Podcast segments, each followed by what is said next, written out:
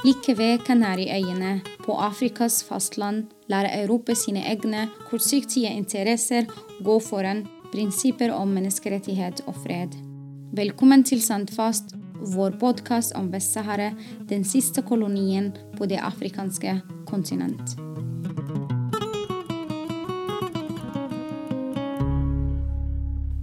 Hvorfor er det alltid kvinnene som skal stå på kjøkkenet?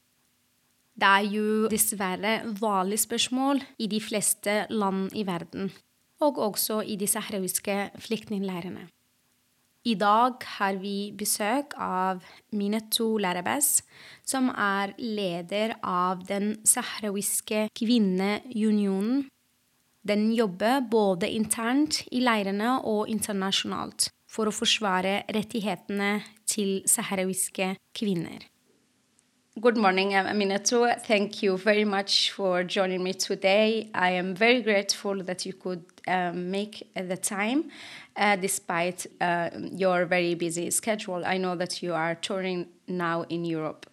Uh, thank you very much for having me, Asri. So, Aminatou, I mean, we know each other from before. Uh, we went to the same uh, university.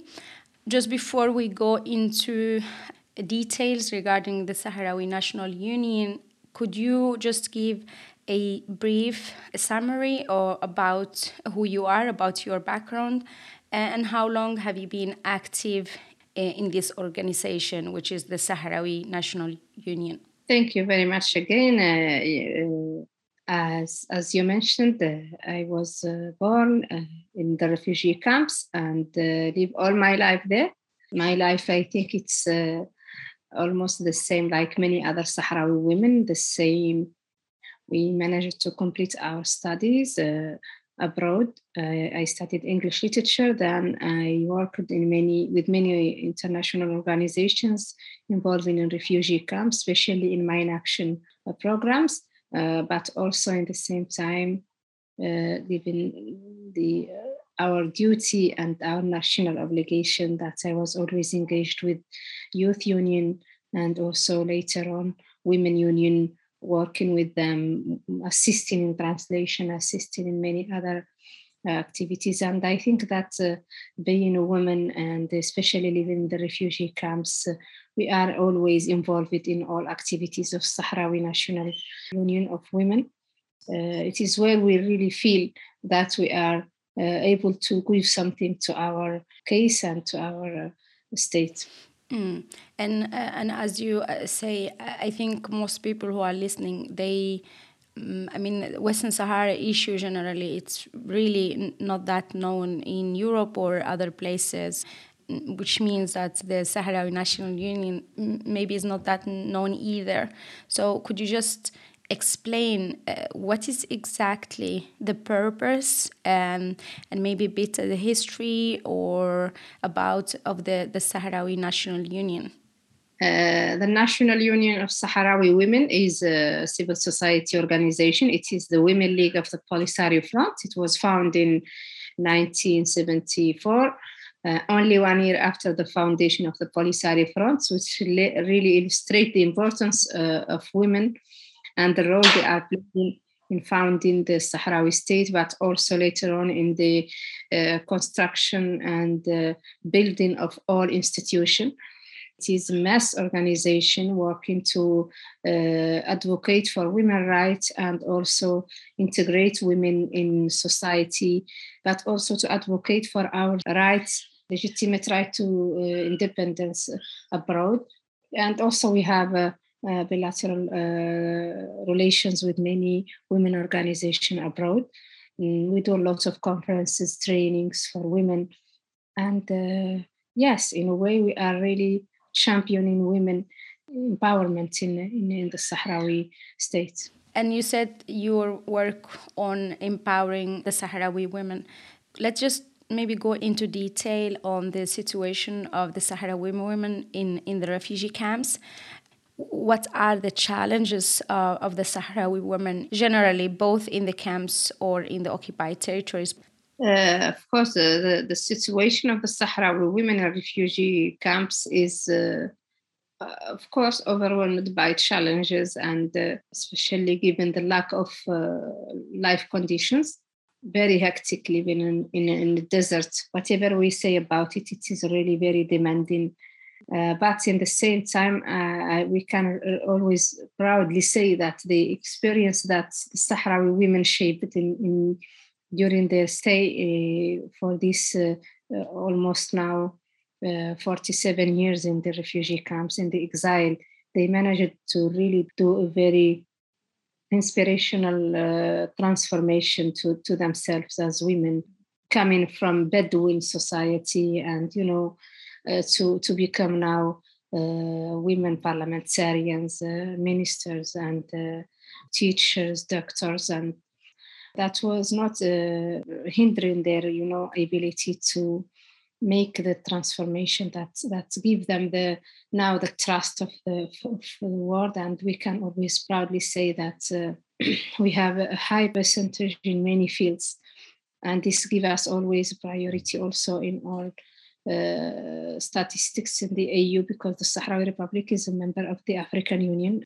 Our uh, women in participation and you know the achievements that they managed to to have are very really inspirational and of course, women also in occupied territories, they ha- are facing a lot of violations, a lot of really, unfortunately, they are suffering in their daily basis without, you know, any uh, monitoring to their to, to their situation.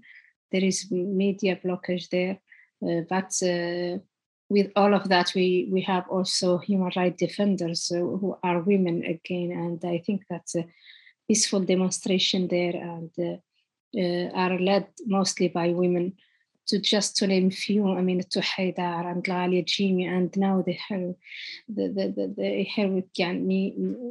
the work of uh, Sultana Khaya and Al-Wa'ra, and uh, it's a lot of examples of of really uh, huge determination and courage that Sahrawi women are given to to the world in the occupied territories.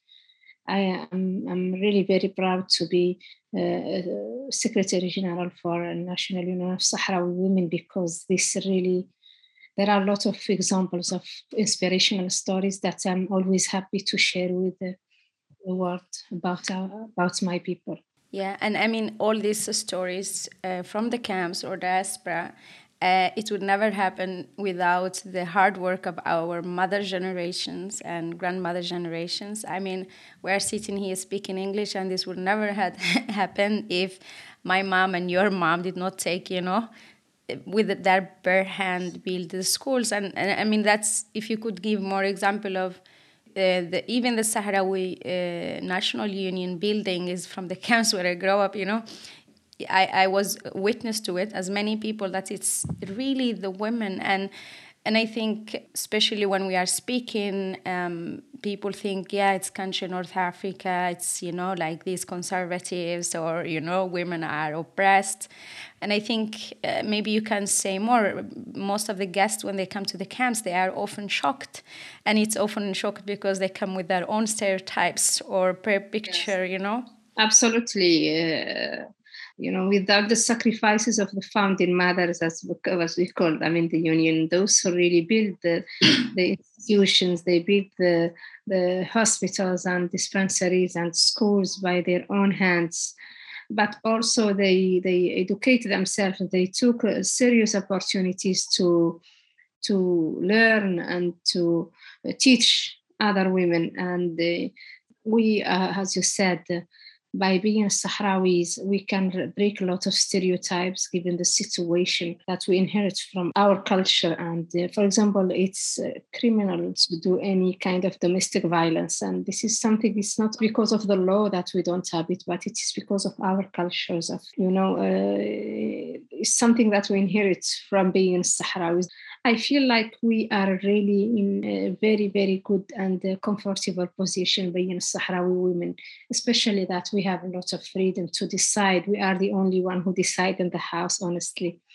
it is you who decide on uh, doing this or that to do the hospitality for guests the way you want this is a lot of details that we sometimes take them for granted but it is real empowerment for women in their uh, family in their house and that's what gives us the courage to be what we are here in any other fields outside Mm.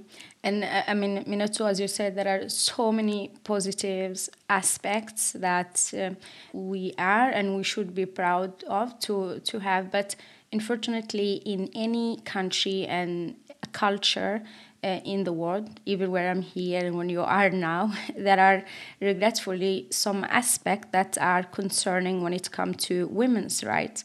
And for example, you talked about we don't have violence domestically. Um, that's what we, you know, uh, have traditionally. But the question is like, what are the main topics domestically within the Sahrawi society that are important to address for your organization? Do you have any example of issues that you work with? Uh, of course, uh, uh as you said, in the end, also we are not a society of angels, and of course we have a lot of uh, issues also that we are working in our organiz- organization to address.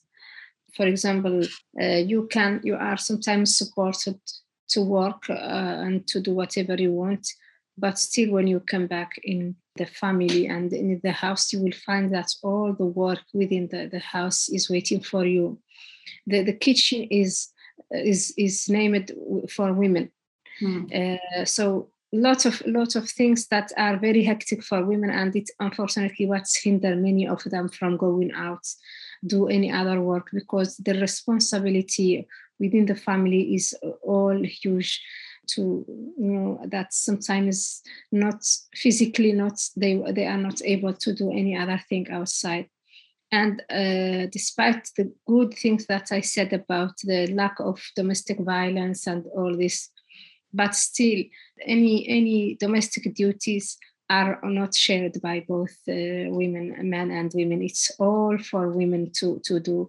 If there are elder people Uh, sick in the family or any people with this with special needs, it is the role of women to take care of them unless there is no women or only one woman or something. But most of the cases, it is women duties to do that. And this also for us, you know that it, it is the, the women who care, the love, and you know we are tend to be more emotional, more caring.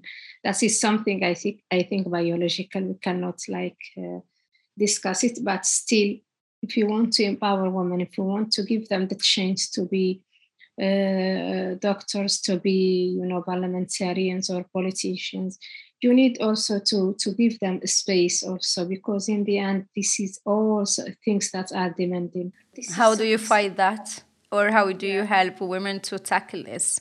Because it is very overwhelming to be both having 100% work at home more than 100% because it's going all the time. And then on addition you are working and it's often also voluntary basis. It's not even you know paid jobs or of course uh, that what we are trying to do is to do kind of uh, you know workshops and uh, open discussions between young people male and females. Uh, we do it uh, with uh, scout movement and the youth union. So we can bring this discussion on the table. What do you think about for example cooking? What do you think? So we just we try to make it at least in a table something that we can discuss and uh, educating these generations to be really helpful even in the in the, in the family. Uh, otherwise it's really very very difficult. And uh, we realized that this is one of the main causes that hinder women contribution outside the, the home. It's it's not fair that men they do their work and when they come back they only sit to to wait yeah. for tea to drink tea. They even they are not the one who are going to make it no. so and they will support you to do whatever you want outside but when you come back you are the one who going to clean to make tea to cook and to do whatever and you cannot complain because they will tell you you are not obliged to go out if you want you can sit and do your things uh, of course, motherhood and many other things are very sacred, something that we cannot discuss. It's always women's role, but uh, still other domestic duties can can be shared by both men and women and yeah even parenting can be shared by both uh, other issues yes we can say that we, we hope to see more women in politics. We hope to see more women because, uh, yes, opportunities are there, equal opportunities are there. Mm. Uh, but the issue is that there are some mental barriers that some mm. women think that some decision making positions are only for men like that by being women they cannot be in those positions mm. that's unfortunately some things that we want to change they go to vote, but they will vote only for men, not for women. They don't think that women can fit to be uh, in those decision making positions. And this is also one of the, the, the, very difficult things that we are trying to do each time by campaigning before the elections, discussions, conferences, because you, it's very hard to see a lot of women participation in congresses they give their votes, but in the end, when it comes to result, it's only most of men who win. Yeah, exactly, and that's.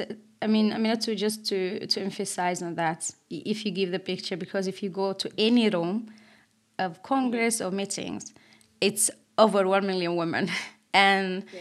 all the activities locally and regionally is a woman. But then when you go up, up, up, up in the top, then yes. they start to disappear. yeah yeah that's really totally the will of women honestly because when you yeah. have the when you have the laws there before you when you have the right to vote when mm. when you are asked to to to be, you know to be a candidate there is no thing that that can like uh, prevent you from doing that in the end it is your voice. It's women votes that unfortunately most of them they don't give it to other women. They prefer to give it to men than women. Only because there is this yeah. they think that it's need a man you know uh, that's because we are sent to be emotional we cannot decide on the future we will be this and that and it's need a hard you know uh, very determined man to be in that position and we fit only where there is health and uh, education and those you know soft uh, institutions. And unfortunately this is some of the discussions also we try to or issues that we try to address as i said by conferences and uh, yeah. uh, that dialogues still yeah we are working on that hopefully.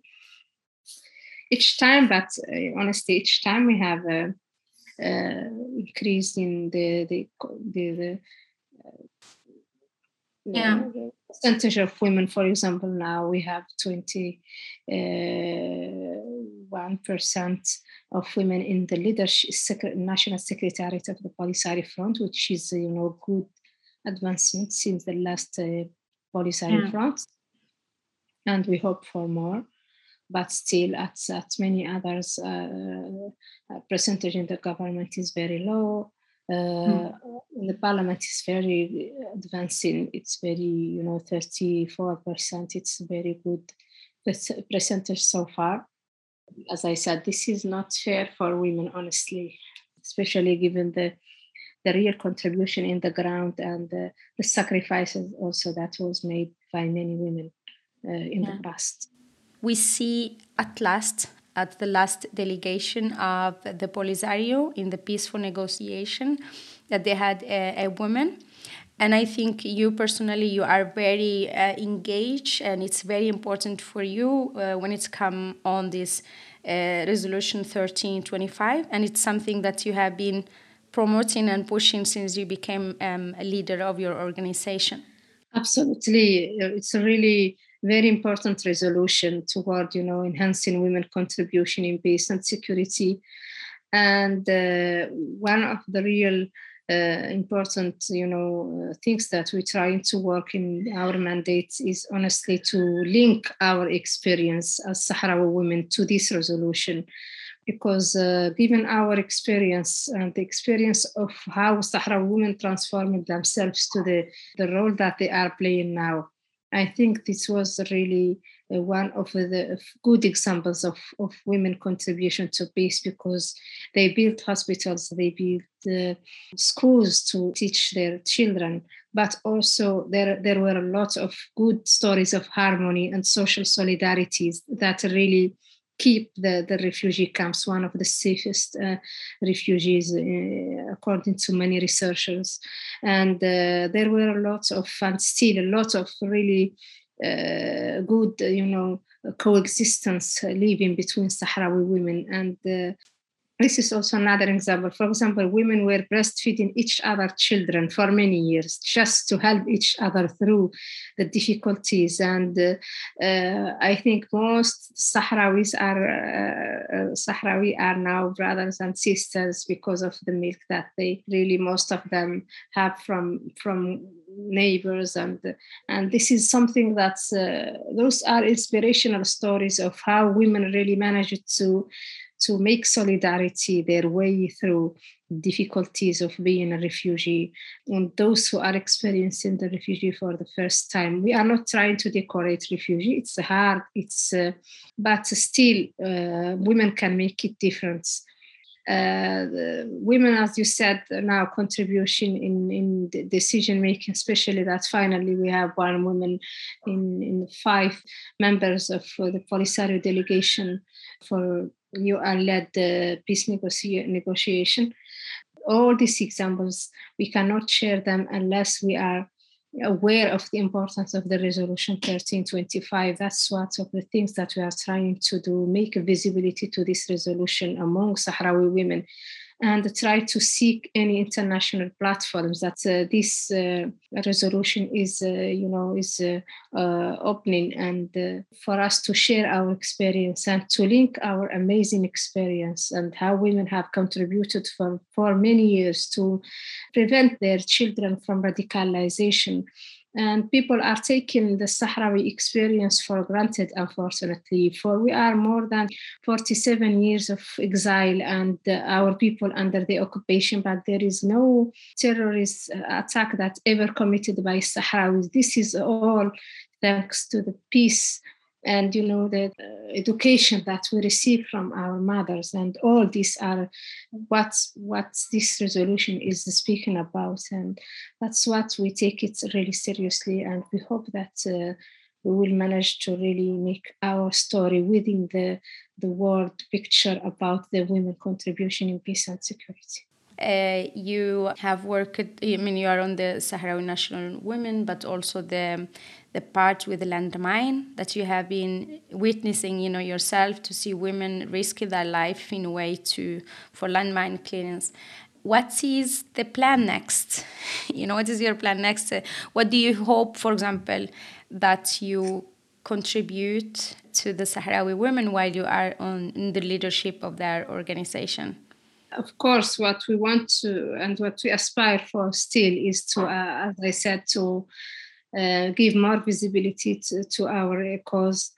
Uh, and uh, of course, we want to empower we, our women more. We want to have more women in our fields, but still also we really uh, want end to the dilemma of, of this political dilemma. We want to women uh, the right to independence and to go back and to live in our uh, free uh, land. That's also because that's the that's the, the, the main obstacle toward any other achievements that we try to do as a Sahrawi National Union of Women.